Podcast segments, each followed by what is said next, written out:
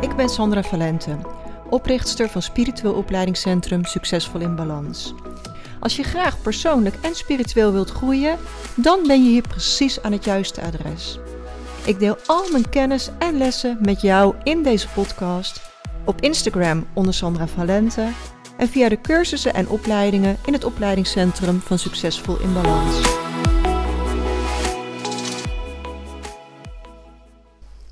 Super welkom bij deze nieuwe podcast. En vandaag wil ik het met je hebben over hoe je kinderen kunt helpen met Reiki-energie. Want in de vorige podcast heb ik tips en inzichten gedeeld over kinderen en spiritualiteit. En ik heb daar super veel toffe reacties op gekregen. Maar ik krijg ook best wel veel vragen over hoe je nou uh, ja, kinderen reiki kunt geven. Of wat je voor kinderen kunt doen met de reiki-energie. Dus in deze podcast wil ik ingaan op wat reiki voor kinderen kan betekenen omdat voor mij was een van de redenen om verder te gaan met spiritueel werk, was dat ik heel graag mijn kinderen wilde helpen. En ja, dit hoor ik ook best wel veel om me heen. De wereld kan heel intens zijn voor kinderen. En sommigen slapen slecht door alle prikkels die ze krijgen. Eh, de meeste kinderen moeten hun immuunsysteem nog opbouwen, dus kunnen ook wat vaker ziek zijn. Ja, en kinderen leren door letterlijk vallen en opstaan. Dus hoe fijn is het als je met jouw handen de pijn bij je kind kunt verlichten? En laten we ook niet vergeten dat kinderen hun eigen uitdagingen hebben gekozen bij het schrijven van hun levensplan. En dat ze jou als ouder hebben uitgezocht. Ik geloof echt dat een kind zijn ouders uitzoekt, maar ook dat de ouders akkoord gaan. Dus je hebt op zielsniveau ja gezegd tegen de uitdagingen van je kind. En ja, ik weet dat het voor sommige mensen onbegrijpelijk is dat ze hun ouders hebben uitgekozen, omdat ze een hele traumatische jeugd hebben gehad. En dan is het natuurlijk super moeilijk om je voor te stellen dat je dit uit vrije wil gekozen hebt. Dat snap ik helemaal. Maar ehm, buiten dat ik echt voel dat het klopt dat je als ziel je ouders heel bewust kiest, heb ik dit ook tijdens regressie- en reïncarnatiewerk mogen ervaren dat ouders heel bewust uitgekozen worden. En ja, hier ga ik in deze podcast niet verder op in. Misschien is het stof voor een latere podcast. Dus stuur me ook zeker een berichtje als je dat heel graag zou willen. Maar in deze podcast wil ik even focussen op hè, wat je voor een kind kan betekenen. Dus jouw kind was een zielsplan aan het schrijven boven en ging op zoek naar ouders die het meest geschikt zijn om deze lessen bij te leren of om precies de juiste steun en begeleiding te krijgen om dit levensplan te voltooien. En in dit gezin, in deze setting, voelen zij dan dat de kans het grootst is dat de gekozen lessen ook geleerd zullen worden. En dit is wel heel goed om te beseffen, want als ouder vergeten we dit vaak. We voelen zoveel liefde voor ons kind dat we het liefst alle pijn zouden willen wegnemen. We willen helpen waar we kunnen. We willen ze beschermen. We willen ze koesteren.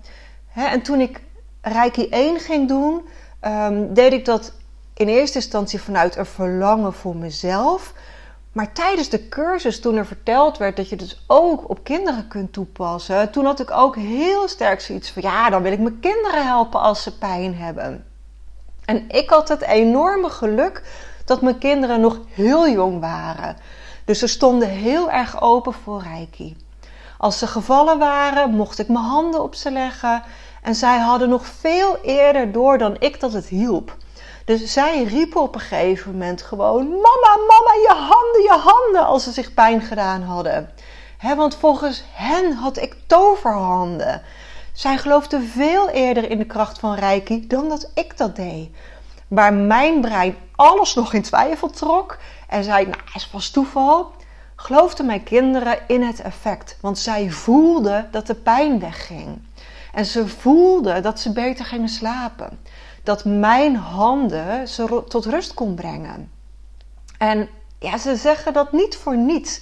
Ze zeggen ook altijd: hè, kinderen en dronken mensen spreken de waarheid. Kinderen zijn super eerlijk over dit soort dingen. Die gaan jou echt niet zitten pleasen. Het helpt of het helpt niet. En als het helpt, dan willen ze er meer van. En totdat ze ouder worden en het met hun brein gaan benaderen, zoals ik ook in mijn vorige podcast deelde. Maar goed, zeker jonge kinderen staan hier heel erg voor open. Maar kinderen zijn ook ongeduldig. Die willen echt geen behandeling van een uur. Niet als ze gevallen zijn en niet als ze rustig willen slapen. En gelukkig is dat ook niet nodig. Want juist doordat kinderen zo puur zijn, kunnen ze veel beter de energie ontvangen dan dat wij als volwassenen dat kunnen. Bij een jong kind heb je in 10 minuten hetzelfde resultaat als bij een volwassene in een uur. Dus dat maakt gelijk dat het helemaal niet nodig is om je kind een uur te behandelen. En hoe ouder je kind wordt, hoe meer het in het brein gaat zitten, hoe langer het duurt om hetzelfde resultaat te bereiken. Nou, je handen neerleggen op een pijnlijke plek is een supernatuurlijke reactie. Ga jezelf maar na. Als je nu je elleboog stoot, dan is het eerste wat je doet je andere hand eromheen leggen. Want je onderbewustzijn weet dat dit helpt. Het is gewoon een automatische reactie. En met Reiki doe je exact hetzelfde, alleen dan versterkt. Dus afhankelijk van je Reiki-graad kun je meer helende energie doorgeven met je handen. En hoe sterker je Reiki-energie stroomt, hoe sneller de balans weer ontstaat. Dus als je kind ergens pijn heeft, leg je handen erop. Vraag of je je handen erop mag leggen. Als ze gevallen zijn, maar ook als ze buikpijn hebben of hoofdpijn hebben, heb de intentie om de balans te herstellen. Of heb de intentie dat de pijn vloeibaar mag worden en dat deze afgevoerd mag worden naar de aarde. Je kiest altijd een positieve intentie. Want het universum kent het woordje niet niet. dus de ontkenning wordt weggestreept uit je intentie. Dus als jij zegt ik wil geen pijn, dan zeg je feitelijk ik wil pijn. Dus je kiest altijd een positieve verwoording van wat je wilt bereiken. Je wilt balans. Je wilt de pijn vloeibaar maken, zodat die afgevoerd kan worden. En als je reiki geeft, heb dan ook altijd de intentie om de energie te laten stromen. Dus je stelt je voor dat je je kruin openzet, dat de energie naar, daar naar binnen komt en dat het via je armen, die als tuinslangen fungeren, de energie vervoeren naar je handen en dat er in je handen sproeikopjes zitten die de energie doorgeven. Maar ook bij die ander. Dus als je je handen dan hebt neergelegd en je geeft die energie, stel je voor dat je de energie door het lichaam duwt en het naar de voeten stroomt, waar het zo de aarde in mag stromen. En dat het onderweg alles meeneemt wat niet dient en dat je frisse, helende energie toevoegt. En dit is een groot verschil met andere vormen van energiewerk, zoals bijvoorbeeld magnetiseren.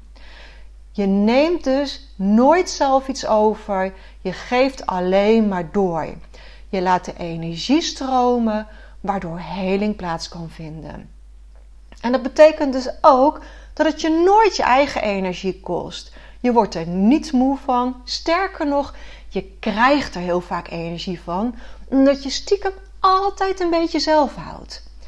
je vertrouwt dat de energie haar weg zal vinden. Zelfs als de oorsprong niet op de plaats zit waar de pijn gevoeld wordt, dan zal die energie die jij geeft altijd precies de juiste plaats vinden. Vertrouw daarop.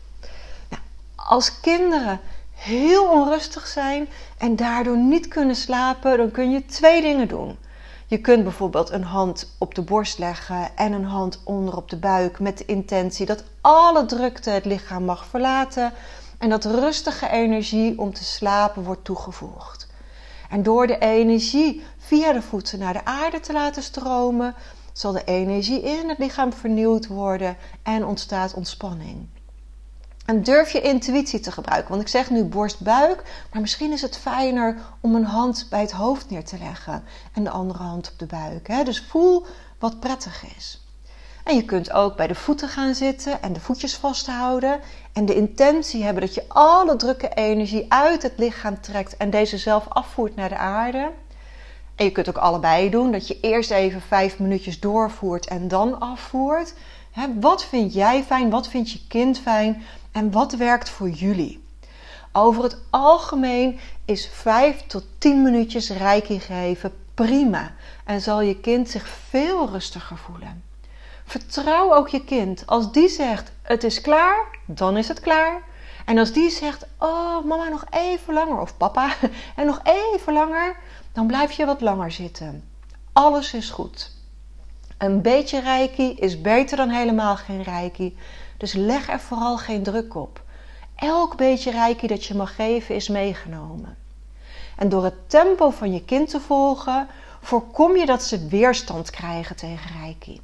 Want alles wat moet is per definitie vaak niet leuk voor een kind. Dus zorg dat het leuk blijft. En stel ook vragen. Wat zou je nu wel goed vinden als ze iets niet willen? Wat zou je wel willen? Waar mag ik mijn handen wel neerleggen? Of wat zou jij fijn vinden? Misschien willen ze liever zichzelf reiki geven. Of willen ze even samen mediteren. Of een paar ademhalingsoefeningen doen. ik weet hoe graag je als ouder je kind wilt helpen. Maar vertrouw ook de wijsheid van je kind. Want we denken soms als ouder dat we het beter weten. Dat we beter weten wat goed is door onze levenservaring. En het is natuurlijk ook helemaal waar dat jij meer levenservaring hebt. Alleen weten we niet welke lessen ons kind gekozen heeft en welk pad het kind uitgestippeld heeft. Dus we mogen ze ook liefdevol volgen en vragen stellen. Want vragen houden altijd de energie open. Als je een vraag stelt als wat zou jij nu willen? Of hoeveel pijn heb je nu op een schaal van 0 tot 10? Dat geeft mij altijd een supergoeie indicatie van hoeveel pijn ze echt op dat moment hebben dus laat ze het op die manier aangeven en ja, blijf in gesprek door, door ja, vragen te stellen die geen oordeel hebben. En op aarde hebben we één fundamenteel recht en dat is onze vrije wil. En kinderen hebben ook diezelfde vrije wil als het over energiewerk gaat. Dus durf ze te volgen. Uh, ik vond het juist heel erg fijn dat mijn kinderen de energie zo goed konden voelen en dat het ze zo goed hielp. Want dankzij hen kreeg ik veel sneller vertrouwen in Reiki dan dat ik dat in mijn eentje gekregen zou hebben. mijn brein trok alles in twijfel, uh, terwijl zij hun gevoel durfden te volgen en zij voelden dat het hielp. Dus als je een Reiki-cursus gedaan hebt, um, kijk vooral wat je voor je kind kan betekenen. En als je nog geen Reiki cursus gedaan hebt, dan ben je van harte welkom. Want gelijk na de Reiki 1 cursus kun je met de energie werken voor jezelf en voor anderen, dus ook voor je kinderen. Als je op mijn website de Reiki 1 cursus, uh, de Reiki 1 thuisstudie doet, dan kun je direct starten. Ja, en volg ook daarin jouw tempo. Dankjewel voor het luisteren. En mocht je nog vragen hebben, stuur me vooral een berichtje. En deel ook met me wat het met je doet, of op welke manier jij je kinderen helpt, of wat je nog zou willen weten. En ja, dan heel graag weer tot de volgende podcast.